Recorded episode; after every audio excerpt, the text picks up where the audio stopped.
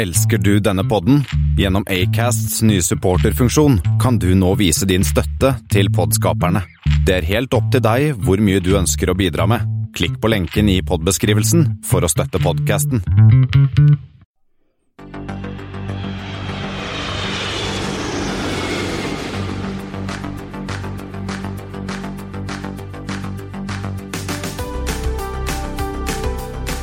Og velkommen om bord på Flight 41, som vi har kalt Small is beautiful? spørsmålstegn.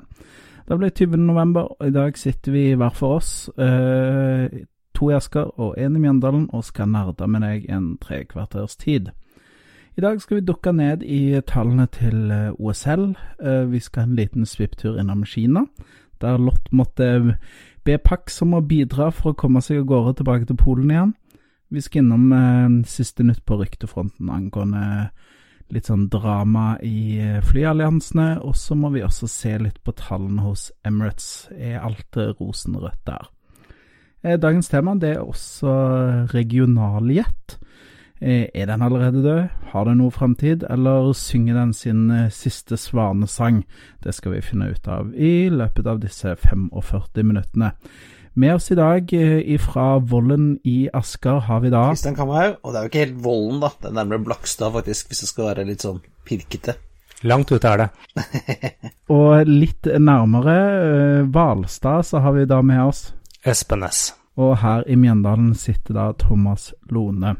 Ja, har dere noe nytt dere vil eh, oppdatere oss på, Kristian eller Espen? Har det skjedd noe nytt siden sist vi pratet sammen? Nei, her er det lite spennende og relevant å melde, så Nei, jeg får vel bare Jeg vil, jeg vil få for programflyttet til å si at eh, det er jo Black Friday på fredag, så da er det bare når du har hørt ferdig Flypodden, så er det bare å løpe ut nærmeste Elkjøp-butikk og kjøpe en fet TV eller noe annet du trenger. Til en god pris. Men, men hva er greia med Black Week? Altså, og så blir det Black Month, og så blir det Black Quarter. Altså, trodde Black Friday var på fredagen, og that's it. Men man skal Det irriterer meg litt, for man skal jo skvise alt til minste dråpen ut av sitronen til folk er drittlei. Da skal man eh, gå tilbake til det originale konseptet. Så er det Monday. Cyber Monday. Og så er det noen Fat Tuesday, og så er vi på'n igjen, Thomas. Ja, dere Elkjøp om det, men eh, vi går til noen som også har en Elkjøp-butikk.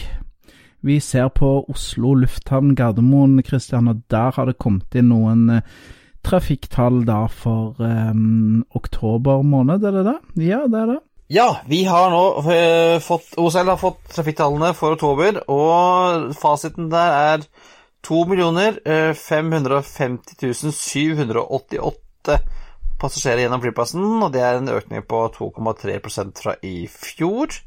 Utenriks har, gått, gått forbi innenriks. Eh, Utenriks er på 1,4 mil, innenriks på 1,1 millioner. Begge to er sånn opp eh, 2,6 på innenriks, faktisk, og 2 på utenriks. Og det som eh, som eh, Avinor sier, er at mesteparten av veksten kommer fra, fra utlendinger som flyr inn til Norge. Ja, det ser man jo også på de totale tallene for eh, Avinor, som er sånn ca. pluss eh, 2,2% Og det stemmer vel også, ble vel ikke det sagt når dere var på denne konferansen deres, at det er eh, veksten i norsk flytrafikk? Er det utlendinger eh, som eh, står for? Stemmer det, både, både inn og til dels også på innenriks i Norge, da, så er det utlendinger som flyr hit for å både jobbe og dra på ferie, som bidrar til den veksten. For nordmenn har kanskje vi, har vi fått nok av å reise, eller? Ja, og det, jeg tenker det at eh, gjerne det er utlendinger som bidrar med vekst, men gud bedre, jeg tror vi nordmenn bidrar til bunnlinja, altså. For eh, jeg har merka det nå over de par siste årene. Det er, og, og alt er relativt, jeg er klar over det, men eh, jeg syns det har blitt mye dyrere å fly innenriks i Norge. Jeg tror eh, markedet er utrolig godt for flyselskapene innenriks i Norge om dagen. Eh, Det er klart det har vært kommet på litt flyseteavgift og alt sånn, men det er klart Når jeg så på en tur-retur Stavanger, så får man knapt den under eh, 2000 kroner nå, selv om man booker litt fram i tid. Så det, jeg tror det, på akkurat det norske markedet så er det gode marginer om, om dagen, i hvert fall på de norske reisene. Ja, og jeg så jo en uh, slik en, Var det et estimat eller analyse av hva skal jeg si, forskjellige sånne low cost-markeder rundt omkring i Europa.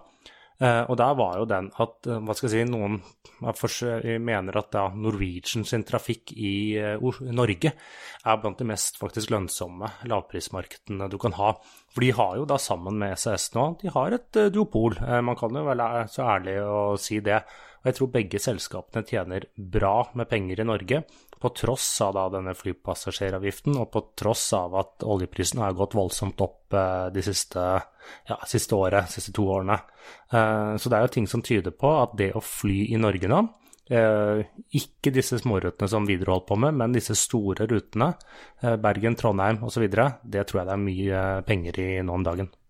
Men hvorfor er det ikke sånn at all økonomisk teori, og nå har jeg to ordentlige økonomer med meg, sier jo det at der det er mye overskudd å hente, så vil andre aktører etablere seg. Og det er jo åpent luftfartsmarked i Norge. Eh, eksempel sånn som Ryanair har jo til og med kommet på Oslo lufthavn. Hvorfor kjører de ikke i gang noen rundturer mellom Oslo, Bergen, Oslo, Trondheim, Oslo, Stavanger og kanskje Tromsø? Det er jo, må jo være åpenbart penger å hente her, eller eh, ser jeg for enkelt på tingene?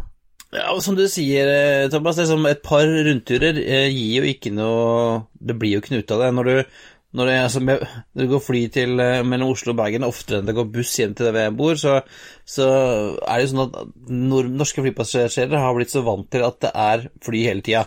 Som du, Thomas, når du skal til Stavanger f.eks., så er det sånn Å ja, jeg rakk ikke det flyet klokka tre, jeg tar det klokka fire, da. Eller så rakk vi det halv tre, så var jeg superhappy. Ja.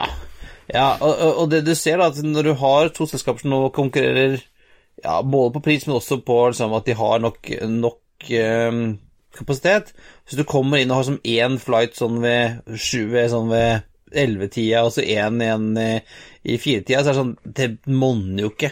Det, det, blir ikke noe ut av det. Du får ikke passasjerer til, å liksom velge deg når du har så uh, dårlig tidtabell, da. ja, det er jo det ene, uh, den tidtabellen. Uh, jeg skal komme litt tilbake til det. Men det har jo også mot at nordmenn er jeg vil si både lojale mot Norwegian og SAS. De har veldig sterkt merkenavn her i landet. Man kan si de får jo mye pepper i sosiale medier, men hvem gjør ikke det?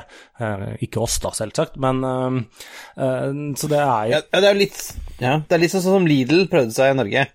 Uh, mye billigere, men uh, nordmenn valgte allikevel Rema og Rimi. Ja, altså går, ja, de går til Rema, gikk til Rimi, gikk til Kiwi, og så klagde hvor dårlig det var, men de fortsetter å gå der. Uh, så det er jo et viktig poeng. Og så er det også den at det er jo ikke bare å komme inn. Én uh, ting er det jeg snakker om merkenavnet, du må ha den kalles en kritisk masse. Uh, men det må også være plass. Og det er jo ikke bare å starte opp en rute eh, ut fra Gardermoen klokka åtte. Eller skal du ha de forretningspassasjerene, så må du ha et fly som går sju, du må ha et åtte, du må ha et ni. og det er jo slåttbegrensninger på flere norske flyplasser, i hvert fall Gardermoen, mener jeg, i morgenrushet. Og det hjelper jo ikke da å komme med en flight som går klokka ett på dagen, når du skal, du skal på en dagstur til Bergen.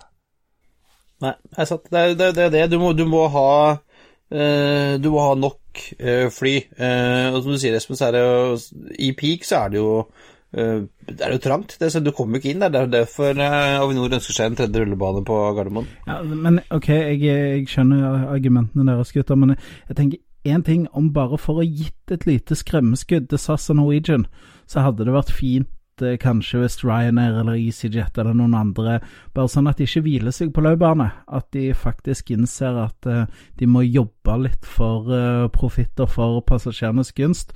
Det tror jeg hadde vært um, veldig bra. Jeg tror det at selv med kanskje fire daglige rundturer mellom Stavanger og Oslo, kanskje på litt sånn ugunstige tidspunkter, så hadde Ryanair klart å fulgt det til kanskje en fornuftig pris for Ryanair. Uh, det gjenstår å se. Uh, jeg tror de skal holde hardt med å ta forretningsreisende først, men det er klart Du sier at nordmenn er lojale, men de tenker også ganske mye med lommeboka. Hvis det på toppen på Momondo står Ryanair, flyr mellom Stavanger og Oslo, så tror jeg at det selskapet er så kjent for folk nå at det ville ikke vært noe problem.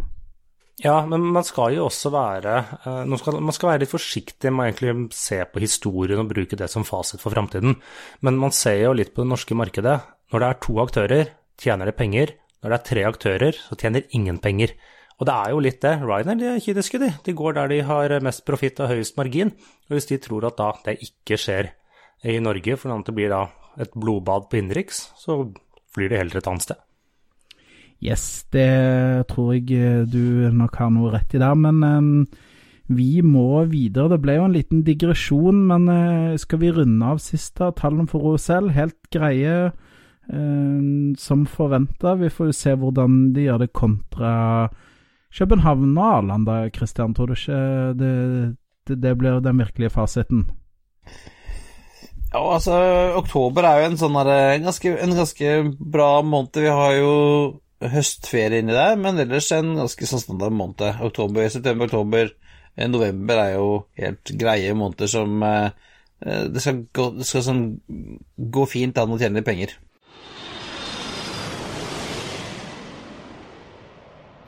Men noen som, om ikke de tjener penger, det må gjøre de kanskje, men de må i hvert fall ut og låne penger.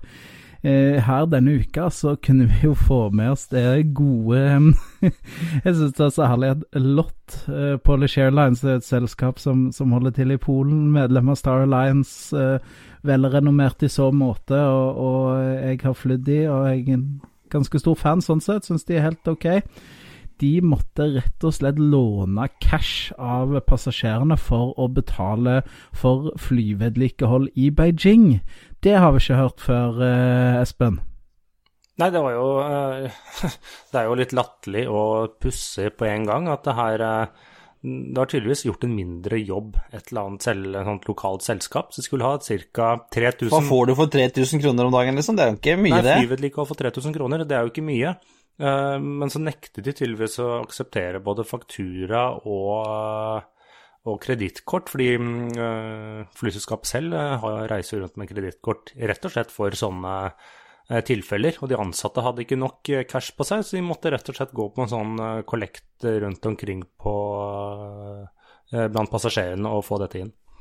Ja, så var det jo sånn at Lott var jo, beklaga seg jo eh, veldig mye for de passasjerene det gjaldt. og det, det, De sa at ja, vi kjører normalt helt cashless system, det skal ikke være noe cash i vår operasjon, men her var det tydeligvis noe som eh, hadde skjedd som ikke skulle skje. og Visstnok så hadde de da likevel eh, refundert beløpet, eller hadde klart cash å gi tilbake til folka idet de landa i Warszawa, i tillegg til at de fikk noe andre greier, slags kompensasjon, så jeg syns jo de, de ordna den eh, opp bra likevel, da. Men spørsmålet må jo være da én, hva slags tvilsomme bakgårdssjapper er det som driver med flyvedlikehold i Beijing? Og to, fikk de kvittering? Ja, det, det Jeg tror kanskje ikke det var så nøye på kvittering, i hvert fall ikke i forhold til passasjerene. Jeg tror Lott tenkte at eh, de 3000 eh, kroner og litt til, de eh, hoster vi bare opp for å slippe å få dårlig publisitet. Men jeg leste jo det sånn, sånn et lite apropos da, i flyhistorikken, så var det jo en av disse på flyforumene som, som snakket om dette her, når, når de fløy rundt back in the days, langdistanse for SAS med litt mindre sånn ja, skal vi si, eh, maskiner med, som kanskje var litt mer ustabile, kanskje måtte ta en teknisk stopp her og der, så hadde de jo faktisk med seg Kapteinen hadde alltid med et eget Amex-kort som kunne innlosjere inntil 200 passasjerer, betale for fuel, reparasjonskostnader og litt sånn, så det var jo um, det var vel det som var fallet til han godeste eh, Ola oppi videre, at han misbrukte firmakredittkortet. Men uh, de, du får jo ganske stort ansvar da, når, eh, som kaptein når du har med En ting er at du har flyet du skal passe på, men du har jo ganske muligheter for å trekke ganske store beløp hvis, det, hvis shit hits the fan. Men var det ikke noe sånt noe under denne SAS-krisen i 2012 at det var noen kapteiner da som ble sendt ut med cash i tilfelle de ble stranda i eh, utlandet? Vet du om det, Christian? Jo, det, det, som jeg hørte, vel, var jo at uh, ikke bare noen, alle uh, kapteinene hadde med seg en god bunke cash for at man skulle kunne komme, i hvert fall få crewet hjem igjen, eller for løse ut, for det var jo fare for at man sto der og plutselig ikke hadde kreditt den morgenen, eh, hvor det heldigvis løste seg, da. Eh, og det har jo, som vi snakket om tidligere når det gjaldt Swissair også, at den dagen som de begynte å ikke kunne betale fuelen sin på kreditt, så da er det slutt. Eh, men jeg har jo ført flere sånne historier om at eh, folk har måttet hoste opp kontanter for fuel eller sånn, men det har gjerne vært på på flyplasser som ikke flyet har pleid å trafikkere. Da. Altså, de har måttet gå ned på en eller annen emergency, og så hadde de ikke noen avtale med, med lokal leverandør, men i Beijing skulle man tro at ja, Lott kommer jo der hver eneste dag, så de kunne vel kanskje ha venta en dag til, da. For penga sine, men nei, de skulle ha de 2550 yuanene. Ja, det, det, er tydeligvis at her var det cash up front som var cash is king, som det heter.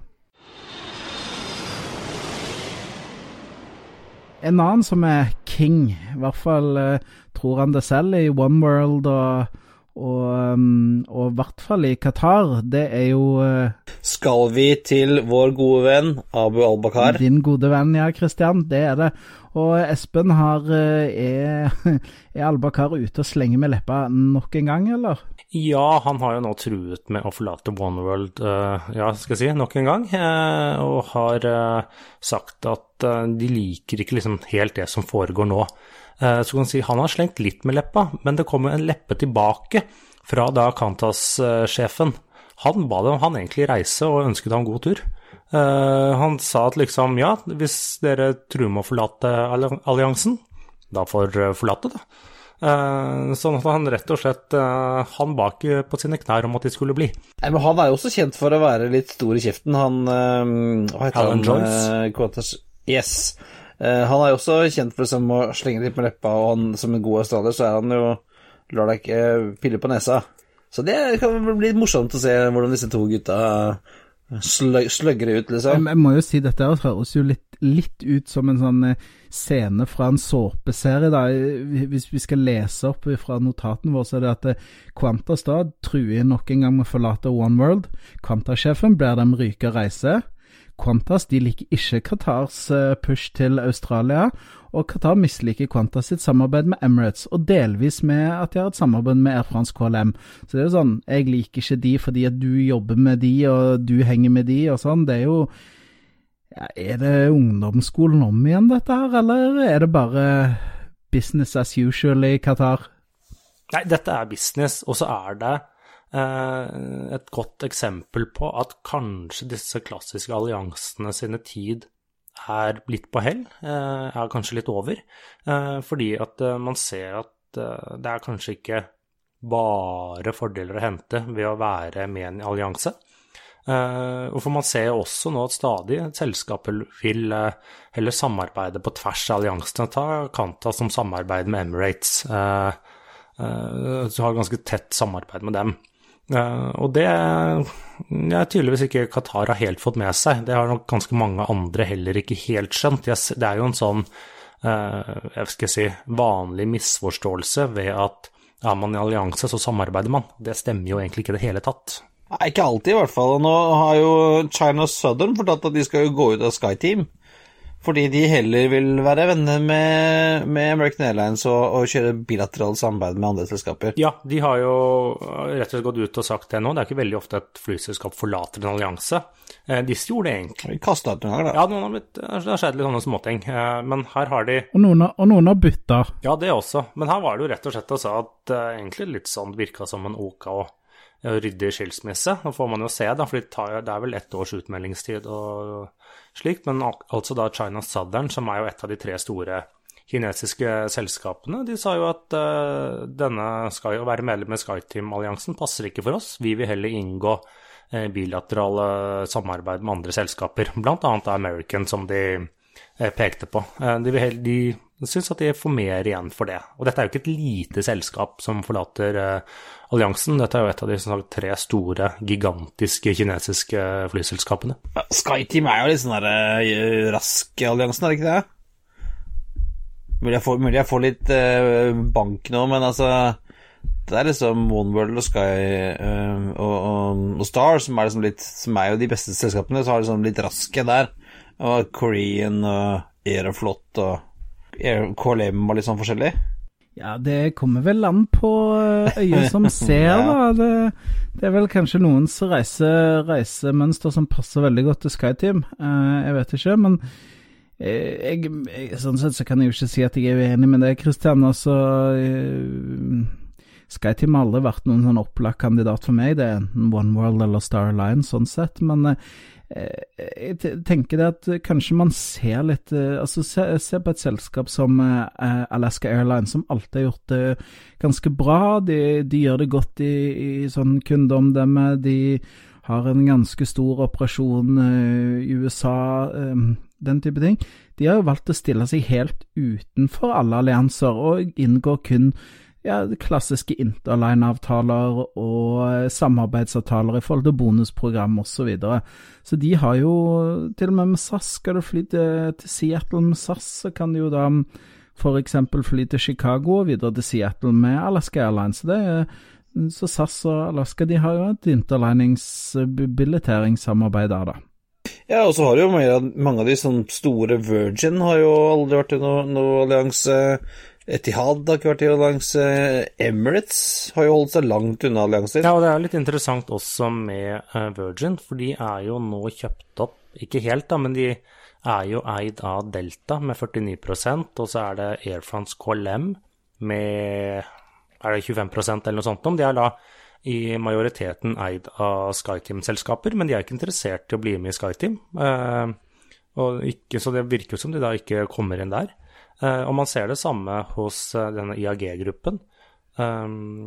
Air Lingus, som er et av få selskap som også har forlatt en allianse for lenge siden, eh, de, når de ble kjøpt opp av IAG for noen år tilbake, så gikk de ut og sa at nei, vi gidder ikke å være med i One World-alliansen, det kan British Airways og Iberia få holde på med selv, det passer ikke oss. Nei, altså Og, og, og, og alle lavprisselskapene, Ryanair, Southwest, alle sammen, de er jo altså helt, helt borte. Så ja.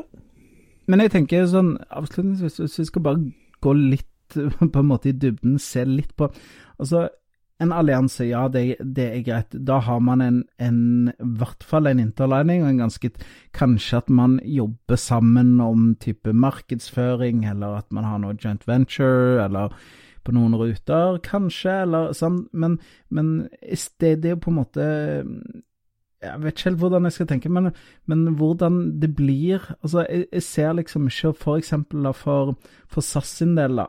Altså Hvis de har en sterk interland-partner, så de sender mye trafikk med, man kan opptjene hos hverandres bonuspoeng selv om de er i forskjellige allianser eller andre, så, så, så ja, hva skal man egentlig med allianser hvis man bare kan gjøre disse tingene bilateralt? Eh, altså gå inn og, og gjøre forhandlinger med hver enkelt flyselskap. Det gjør man jo selv om man har allianser òg.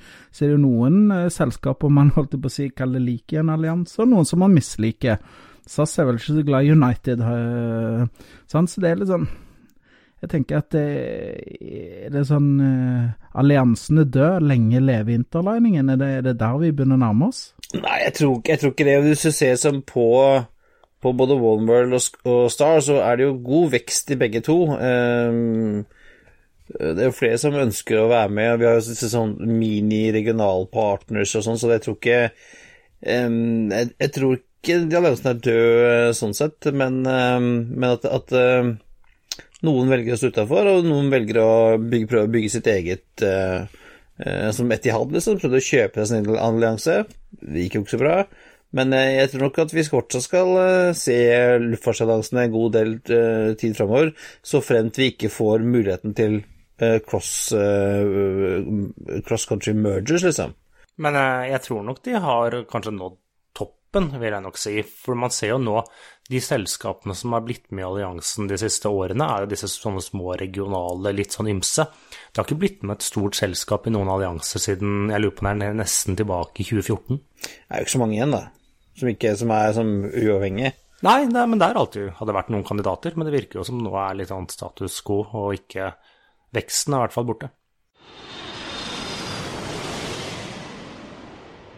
Ja, um, noen som definitivt ikke er med i allianse, og uh, i hvert fall hvis vi skal følge deres administrerende direktør, aldri har noe tanke på å være med i en allianse heller, så er det jo Emirates som vi var inne på, og de um, har lagt fram tall for første halvdel av eh, De har jo litt sånn eh, avvikende regnskapsår, men, eh, men første halvdel av 2018, da. Og overskuddet går ned med hele 86% Det er um, ganske heftig. Um, skjønt de, de, tjener jo fortsatt penger, men uh, det er fuel og politisk ustabilitet og valutasmell, så det er jo mye som treffer andre flyselskaper, som også treffer Emirates. Um, blir du sjokkert når du ser disse tallene, Christian? Eh, nei, eh, for jeg har jo altså, Sånn som vi har sett på sånn, veksten i, i um, kapasiteten deres og sånn, og det kan jo ikke gå um, så bra så lenge. Eh, jeg har jo lurt liksom på hvordan det lenge det der skulle gå, um, og jeg, jeg syns jo det egentlig er nesten er litt fint. Uh, at, de, at liksom, The Gulf 3 begynner å få uh, roa seg litt ned.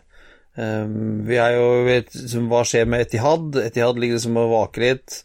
Uh, Qatar har fått litt juling i forbindelse med denne uh, boikotten og sånne ting, så Uh, ja, og, så tror jeg også de merker uh, etter hvert også at en, del selskap, en, del selskaper nå kan begynne å fly rundt dem. At man kan fly med Dreamliners direkte til mindre steder mellom punkt, punkt, i Europa og Asia uten å måtte gå via Gulfen. Så de kommer nok til å merke det også, samtidig som at de har jo merket drivstoffkostnadene også, selv om den er vel nå litt på vei ned. Så Oljeprisen var den og lukta på 60-tallet igjen, og det er jo ikke bra for eh, Equinor, men det er bra for flyselskapene. Og så tror jeg de har merka noen eh, som holder til litt lenger eh, nordvest. Turkish Airlines har jo hatt virkelig vind i seilene også med det nå at de åpner nye flyplasser og kommer til å satse enda mer offensivt. Tror jeg kan ta mye av, eller ta en god del jafs av, av trafikken som, eh, som, skal i hvert fall til, til Asia. Uh, nå ser man jo òg at Turkish har snakket om også at de ønsker å, å, fly til Australia når de får materiell til det. Så, så skal du ikke se bort ifra at dette blir hm, enda kanskje en liten torn i siden til de, de, de tre i Midtøsten. Ja, altså, vi, vi, får se. Nå gikk jo uh, Emirates med 30,1 millioner passasjerer i første halvår. Det er jo det som SAS hadde på hele, hele året sitt. Um, og, og, det er jo fremdeles som det er vekst uh, fremdeles, men uh, jeg er litt usikker på om den der kjempeveksten kommer til å fortsette. Vi kan jo for ordens skyld nevne det at overskuddet da um, Første halvdel av, av regnskapsåret 2018-2019, det var da 520 millioner kroner. Så, så det er jo Det er jo eh, de, de, går i pluss, men det er ikke store ja, driftsmargin, altså, dette her, altså. 100, 500 millioner, det er en pølse i slaktetida for Emirates. Ja, Når du oversetter for 112 milliarder kroner i samme, i samme periode, så er det som 520 millioner Det er bare Ja, det er som pocket change, altså. Det er helt sant. Så vi får uh, de, de, seiler motvind nå, disse tre i, i Midtøsten. Um, så det blir spennende å følge med på om det blir noe konsolideringsprosess, eller hva som skjer eh, der nede. Eh, noen av eh, oss her i Flypodden har jo stor tro på Emir... Emir Emiratad. Var det ikke? det synes det er vanskelig. Mens andre ser fram for å cashe inn den champagnen jeg skal vinne mot det veddemålet, så Ja, vi får se, Espen. Vi får se. Yes, time will show, så vi sier på godt nynorsk. Men um,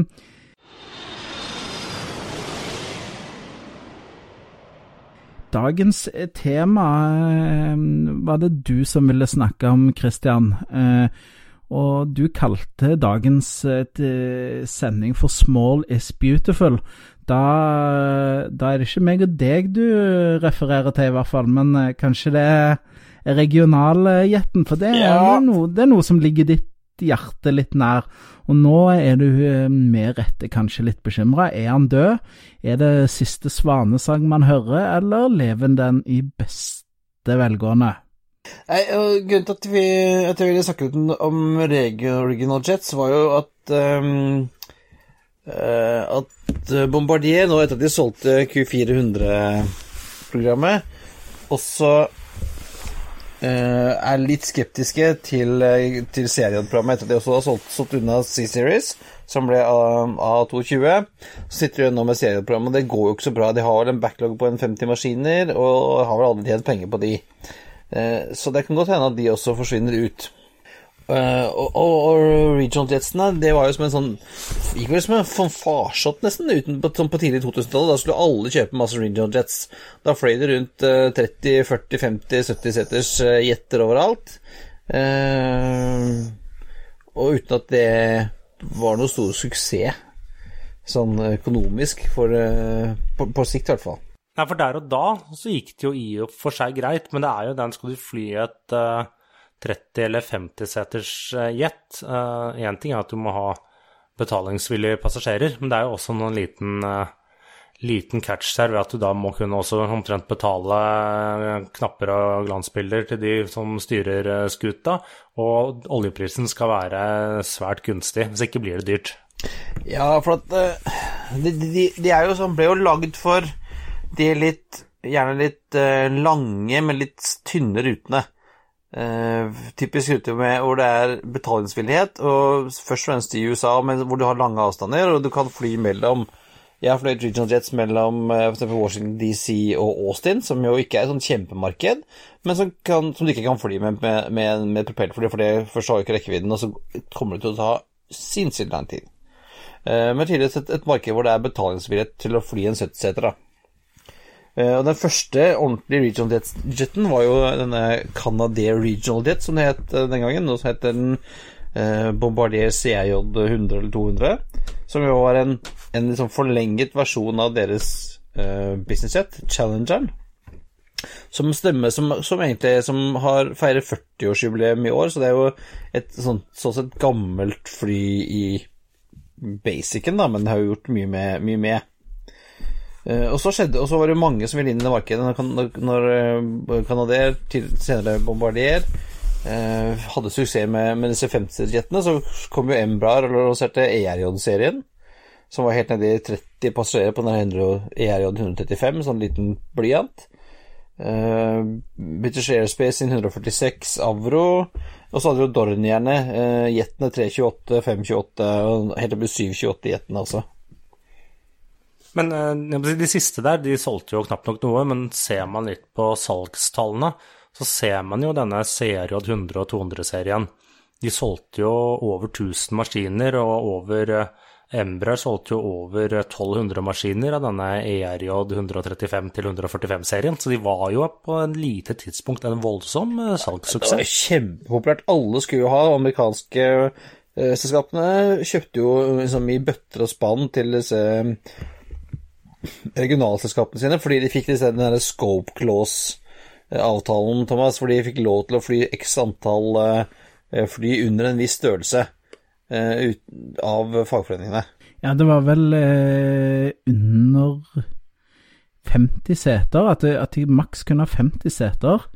Uh, og da, og da Det førte til at en del ruter ble liksom serva av sånn ganske suboptimale 50-setersjetter. Uh, men det førte jo videre da til at uh, disse uh, veldig små regional-jettene, ERJ-en osv., de ble jo, fikk jo sin sånn skikkelig markedsoppsving i USA som, som i Nord-Amerika. fordi at ja, fagforeningen rett og slett eh, krevde da, eller i avtalen med de store flyselskapene, så var det sånn at ok, eh, de, de, kunne sette ut flights som var under eh, eller 50 seter, opptil 50 seter, og, og da til, til sånn subcontractors, og da, da, var det helt greit. og da de ønsket jo å tilby jet og flyjet og sånn, og da, da, måtte man ha Da lander man på disse 50-seterne og 35-seterne og så videre. Så det ble jo um, Ja, det gikk jo, eh, det gikk jo som varmt hvetebrød da på slutten av 90-tallet. Ja, og, og, og, de har jo eh, stoppet produksjonen av denne CRO 200. Siste ble produsert i 2006, så jeg vet ikke helt når siste ERJ ble produsert. Det er jo en eller annen gang eh, rundt omkring da også. 2011? 2011 ja, men de siste årene var det ikke spesielt godt salg. Men uansett, da. De ble jo produsert så mange at når man eh, er rundt i USA nå, så går det jo hundrevis av dem rundt i lufta der fremdeles. Ja, og, og, i Europa er det nesten ingen som har de minste lenger. Lufthansa hadde jo mange. SAS eh, fløy jo Eller Kimber fløy jo for SAS eh, med, med, med Seriod 100. Jeg har skifta bleie på do på en eh, sånn Seriod 100. Det, det krever sin mann, kan jeg si dere. ja, det er bedre det, er bedre det enn å, å skifte bleie um i setene, som, som, man ser noen gjør, faktisk. Ja, men, eh, men det er jo en, en liten maskin, og um, jeg har jo hørt folk som er litt lengre enn meg, som mener at uh, å fly CRJ 200 er som å kle på seg et fly. Uh, men jeg syns det har vært fint å fly de, altså. Jeg liker, jeg liker de små jentene, jeg. Ja, og så er det jo, for de av lytterne våre som ikke vet det, så en av disse litt sånn sjeldne regional jetene, denne Dornier 328 Eh, den går det jo faktisk an, eh, tror jeg, eh, nå har jeg ikke sjekka det på en stund, men man kan vel faktisk fly den ut ifra Oslo, kan man ikke det, gutta? Ja. Uh, går ikke den til Ålborg eller Århus eller noe sånt for Sun Ja, jeg vet ikke om det, er, de har gitt opp på Billund nå, men det er i hvert fall, eller kanskje fortsatt flyr der, disse Sun Air. Disse si, British, British Airways-variantene og det danske selskapet flyr de til OSL. Eh, så, sånn sett er det en av de få steder man faktisk fortsatt kan fly dem. Eh, og så disse andre flyene trafikkeres jo også Oslo lufthavn og Norge, eh, men i veldig liten grad. Man har jo disse BMI Regional som kommer vel en gang om dagen fra Bardin med en sånn ERJ-maskin. Og så har du disse Russline som flyr fra St. Petersburg med en CRJ-maskin om sommeren et par ganger i uken, eller fire. Nå har jeg et lite bare sånn, sånn en liten quiz her på tampen. Vet dere hva den største regional jeten som noen gang har blitt lagd, hva er det? Da må vi begynne å definere. Ja, hva, hva er en Ja? Ja, Hvis du sier det at det er en, eh, en, en jetmaskin som kun er beregnet for å gå uh, kortere distanser, si under, uh, 2000, ja, under 2000 nautiske mil, kanskje 1500 nautiske mil. Så ikke, du, tenker, du, tenker, ikke på størrelsen, altså. Du, altså jeg vil tenke på at alt, alt under 100 er som en, en regional jet, men du tenker, du, du tenker på størrelsen, altså.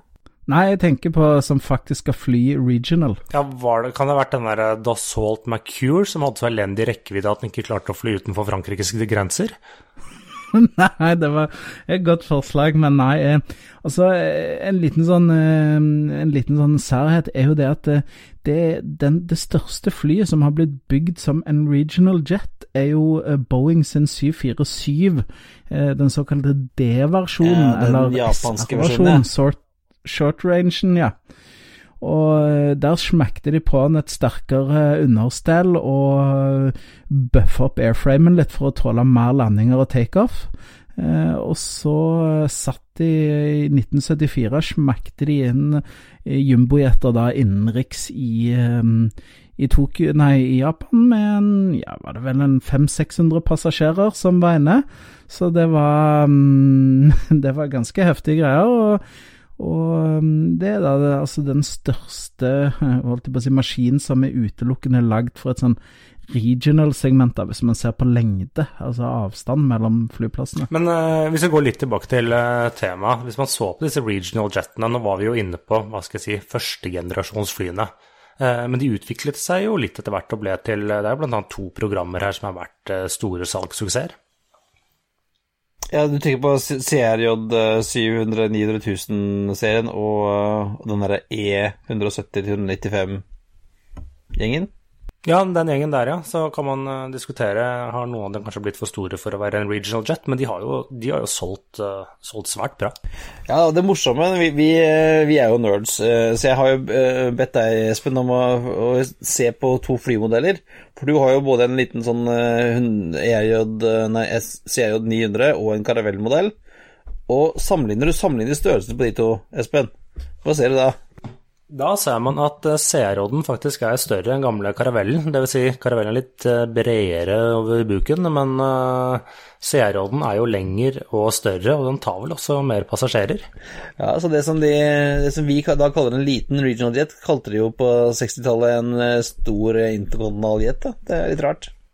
Ja, og så ser man også på lengden, så er jo ikke den CRJ 900 veldig mye kortere enn gamle DC941 som SAS fløy rundt med i mange år. Da har du dine ord i behold fra Teknisk museum her for to uker siden, Espen. At uh, du sa jo det at den karavellen den er jo bare en, uh, en uh, litt forvokst original jet, men nå er den jo til og med kanskje ikke forvokst lenger, fordi at CRJ-en er jo absolutt på høyde med den. Ja, og, og, og hvis du ser på størrelsesmessig på de største som vi kaller for regional jets, da, Airbus A220 og Eh, og det Embraer E2 og sånn, så, så, er det jo på størrelse med en, en 120 Pax. Så da, da er vi i nærheten av en liten 737 back in the day. Ja, og jeg rett og slett nekter å kalle Airbus A220, eller gamle C-Series, for en regional jet. Det den, for det første har den jo kjempebra rekkevidde. Eh, den minste versjonen tar 125 passasjerer. Eh, det er det Swiss putter inn i sine. Den største versjonen er eh, sertifisert opp til 160 seter, men tar Swiss i en sånn klassisk konfigurasjon har 145 seter igjen. Da er det en, det er en 737-700 eller en Airbus A319. Det er like stort. Det er en liten mainliner, mener du? Ja. Ja, det, det, er et, det, er rett og slett ikke en regional uh, jet. Akkurat der må jeg ta dissens, eller i hvert fall sette ned foten, eller ja, et eller annet. Men hvilke modeller er det vi har igjen da, Thomas? Vi har jo uh, CRJ-serien, som fremdeles selger, inntil uh, Bombardier finner på noe annet. Vi har Embraer uh, E2-serien. Ja, og de produserer jo fortsatt E1. Eh, nå har du ikke så veldig mange ordre igjen av de si, større variantene E190 og E195, for de blir jo litt sånn eh, erstattet av E2. Men eh, de har jo den uh, si E1-varianten av 175-modellen. Den selger jo fortsatt med bøtter og spann i USA, for den er en av de få modellene som går under dette scope clauses-greiene. Så de, der renner jo ordrene inn fortsatt. Men eh, så tenker dere jo ikke tidligere eh, Sovjet, eh, Russland, den type ting. Da så er det jo også noen regional jeter. Du har jo Sukhoi superjet, og så har du jo også Antonov AN 148. 100-versjonen, den er jo, får du jo i sånn typisk ja, sånn 68 seter, 75 seter den. Så har du òg en litt større versjon, da, den 158, som kan ta helt opp mot eh, 99 seter. Men eh, en sånn typisk konfigurasjon så tar de sånn 75-ish. Så du har jo faktisk noen eh, noen eh, borte i, i Russland òg, men det er klart Når du ser på f.eks. Antonov 148-100 da, eh, som regional jet, så, så, så, flyr jo ikke akkurat den av eh, som varmt, varm Nei, det, det, det, det, hjelper jo ikke at kanskje den viktigste markedet for den hadde jo vært Russland, og russerne kjøper jo ikke så veldig mye fra Ukraina nå om dagen. Men det er jo et litt morsomt fly, det er jo motoren oppå vingene, det er litt kult. Det er også, de har jo også, Ukrainerne har jo også, hadde jo på vei, var på vei til å ha et samarbeid med Iran hvor en den AN148 skulle produseres i Iran på lisens. fordi for de får ikke kjøpt noe Og det var, den var jo som en, en, Den var veldig langt på vei, og så ble det litt mindre interessant når plutselig iranerne kunne kjøpe fly fra Vesten, og nå kan du ikke det lenger pga. Uh, the, the Donald. Så da skal ikke se bort fra at kanskje den uh, iranske AN148 er tilbake på markedet. Iran, i hvert fall. Ja, ja, og den uh, såkalte superjeten, de har jo en uh, sånn 100-setter nå, Superjet 100, og den selger jo den selger jo knapt nok utenfor hva skal jeg si, gamle Sovjet, men den selger jo egentlig sånn helt greit uh, for innenriksmarkedet der. Aeroflot har vel bestilt er det 50 maskiner eller enda flere enn det? Har vel fått beskjed om å kjøpe, da? Ja da, men salg er salg. ja, det. Og Sukhoien har jo hatt sitt beste år noensinne. Altså, 2015 var vel det beste året før, uh, tidligere, med 78 ordre. Mens i år så har de klokker de inn, hvis det ikke kommer noen nå på tampen, så klokker de inn 140 ordre på Sukhoien. Så det er jo um, Ja, de har jo en, da en, en backlog på 518 fly, uh, og det er ca. Ja, 172 som er produsert. Eh, og 150 som er levert, så, det, så, de har jo en god backlog der, og mye som de skal jobbe med. Så den superjeten, eh, til tross for at eh, en del vestlige land ikke liker den, og ja, CityJet har vel snakket om å returnere noen av de og sånn. Ja, de, de har slitt med regaliteten. Jeg forstår det litt sånn at de sliter rett og slett litt med reservedeler, disse som har brukt i Vesten. Men de gir i hvert fall ikke opp, da, for de kommer jo nå med en kortere versjon, som vi skal kalle Superjet 70. Og så tror jeg de driver og utvikler skal komme med en ny og lettere eller bedre vinge eller noe sånt. Så de satser jo i hvert fall lite grann. Og så er det jo noen andre borti Japan som satser, selv om det ikke har gått sånn veldig bra til nå. Jeg tenker du på MR-jobben? Ja. ja. det har gått trått. Uh, MR-jobben hadde vel Var ikke det First Flight for ganske nøyaktig tre år siden? Det var vel i november 15, tror jeg. Og nå skal de starte med å levere denne her i midten av 2020, så det, det går jo ikke akkurat unna borti Japan der. De pleier jo eh, å være effektive, men akkurat der har de slitt ja, litt. Ja, og det leste jeg faktisk en sak nå i helgen om at uh, det er noen som mener at uh, Mitsubishi kan være kjøper av CRJ-programmet. Og det er både fordi at da får de ekstra ressurser på utvikling og produksjon, uh, og, og, testing, ikke minst. Nå har de jo satt to eller tre fly borti Moses Lake i USA for, for testing, men det som er aller viktigst, er at da får du jo Altså en backlog på altså en, en, tusen, over 1000 maskiner ute i drift hos kunder som kan være interessert i å kjøpe uh, nye fly fra Mitsubishi når uh, seriodene blir for gamle.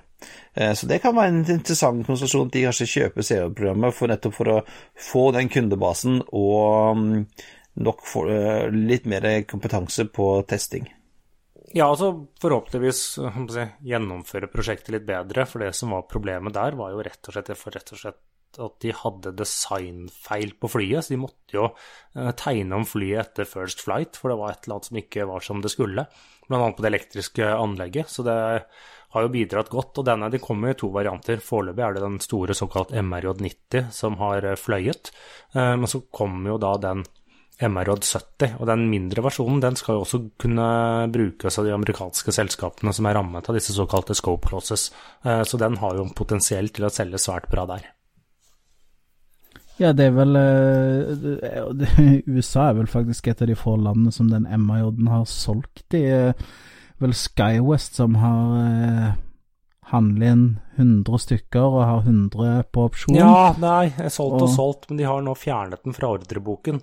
Fordi at den kan jo ikke bruke den, for en MRJ90 er for stor og tung. Men um, ja, og så har vi jo en siste regional jet som vi ikke har nevnt ennå, Espen. Og det er jo en annen som også er litt forsinka. Er det Irkut? Nei, jeg tenker meg på Comac sin ARJ21. Denne ja, kineseren. Um, den var jo en eh, det er, det er jo en tragikomisk historie. Jeg tror de brukte den ble sju år forsinket eller noe sånt nå, så den endelig kom. Det ser ut som en desenier. De har, de har brukt kopimaskin på desenier og satt på motorene fra CRJ. Eh, det tok og dem veldig korte eh, bein. Ja, veldig korte bein. Tok dem evighet eh, å få. Og ikke bare det. Eh, både europeiske og amerikanske luftfartsmyndigheter har jo nektet å godkjenne maskinen. Så at den der har ikke vi hatt kontroll med hvordan dere har tegnet og satt skrudd sammen. Uh, og så har de jo knapt nok klart å liksom produsere den. De, de har jo riktignok økt produksjonen, men det var liksom sånn den første ble levert for er det tre-fire år siden. Så liksom det året klarte å levere én maskin. Året etter to maskiner. Og jeg tror liksom i år har de klart å levere fire-fem maskiner. Så de klarer jo ikke å få produksjonen på den heller. Nei, og det, og det var inne på sertifiseringen. Eh, din, I starten så var den jo sertifisert kun for å fly i, i fint vær. Altså, de, hvis det regna, så kunne du ikke fly. Så, så det var sånn Ok, skal fly, du, skal, du skal sende meg i et fly som kanskje, kanskje, kanskje ikke kan fly hvis det begynner å regne på veien. Altså Jeg hadde styrt litt unna den der, altså.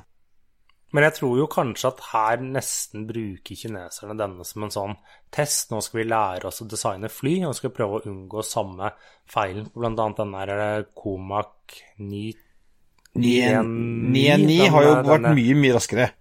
Ja, for den har, den har, jo begynt å fly, eh, den, Har hatt sine første flyturer. Men den, eller den har ikke blitt levert ennå, så de forhåpentligvis da klarer å gjøre en bedre jobb der, få den godkjent i hele verden. Eh, så de har kanskje brukt dette eh, andre prosjektet som en, eh, ja, en dyr måte å lære på. Så fly made in China kanskje ikke så bra. Men det er jo interessant da, å se at altså, disse, de fleste, de fleste nye region-jetene nå bygges jo i land som ikke er ja, tradisjonelle flyland. Da. Altså, det kommer ingen fra USA, ingen fra Frankrike, ingen fra UK. Det er liksom eh, Canada, ja, eh, Kina, Brasil, Japan, Russland og Ukraina, liksom. Det er interessant. Ja, de store Airbus og Boeing de nekter jo å bygge regional jets. så så er det fortsatt et marked for det, så popper det vel fram. Så får man se hvem som klarer å levere. Og per nå så er vel eh, stort sett eh, CRJ og, og, eh, og, våre venner i, i, eh, nede i Brasil som i stor grad leverer disse mindre regional jetene. Så har jo Airbus A220 også meldt seg på. Ja, men hva skal vi si, gutter? Tommel opp, tommel ned for regional jets? Ja, den er jo ikke død, men uh, vi vil nok ikke se sånn, hva skal jeg si, tusenvis av 50-setere som uh, blir produsert mer. 50-seteren er død, uh, men den større varianten, den lever nok videre og blir jo nå fornyet. Jeg gir tommel opp for alt som er større enn e, en Brar 175 E2, jeg. Alt som er større enn det, det tror jeg at vil bli leve godt videre. Nei, jeg tror også altså, vi, de, de, små, de, det var et blaff. Eh, du må ha 70-80-90 oppover for at det skal uh, være mulig, og de har ganske bra range også, så jeg tror jeg nok vi, vi ser frem mer av dem framover. Det får vi la være siste ord om uh, regional jets i denne omgang, og da har jeg hørt noen rykter om, eh, Christian, at du ønsker å forestå ukens anbefaling, så mikrofonen er din. Ja, jeg har lyst til å anbefale en tjeneste uh, som jeg oppdaget på nett for ikke så lenge siden, den, den som heter Bookies. Det er b-o-o-k-i-s.com, bookies.com, som er en tjeneste, uh, norsk tjeneste hvor du kan kjøpe og selge brukte bøker uh, på papir. Uh, og hvis du har en bok du vil bli kvitt, så tar du bare bilde av den, legger den på Bookies der, og så hvis noen da vil kjøpe den, så får du melding om det, og så pakker du den bare inn i papir og skriver en kode på den og putter den i postkassa di. Så kommer eh, avisbudet, henter den og leverer den gratis til den som vil kjøpe boka. Altså fantastisk måte å bli kvitt bøker på, eh, eller kjøpe bøker som kjøper billig. Jeg solgte en uh, Lars Saabye Christensen-bok jeg solgte for, for en femtilapp. Um, og jeg har lagt ut et par bøker, en liten ting som er sånn Jeg kan ta de der på loppemarkedet eller ta dem på hytta, eller jeg kan prøve å selge dem på Bookies. Um, det er en morsom, morsom, tjeneste som jeg anbefaler folk å teste. Da får det være ukens anbefaling, da altså. Bookies.com. Vi legger ut lenke til det på våre nettsider. Da tenker jeg at uh, dette var alt uh, for denne gangen. Uh, vi takker de lytterne som støtter oss på Patron. Og på Vips. Tusen takk for det. Og på Vips. Vi har allerede fått inn noen donasjoner på Vips, så det er veldig bra. så det setter vi utrolig stor pris på, og hvis det, dette holder seg, så blir det ny både miksepult og mikrofon ganske så snart. Så det er på tide å feste sikkerhetsbeltene, rette opp setet og sørge for at man har frisikt ut av vinduet ettersom da flight 41 går inn for landing. Som vanlig finner du linker til det vi har snakket om i dag på flypodden.no. Du finner oss også på Facebook, på Twitter og Instagram. Har du et spørsmål, vil du inviteres på flytur, sponse oss, har du noe annet moro du ønsker å spørre oss om, eller ja, bare send oss en mail for å si at du er glad i oss, så gjør det. Da sender du oss på halloalfakrøllflypodden.no. Ha det bra! Ha det. We thank you for flying with us today. We truly appreciate your business and look forward to serving you on a future flight.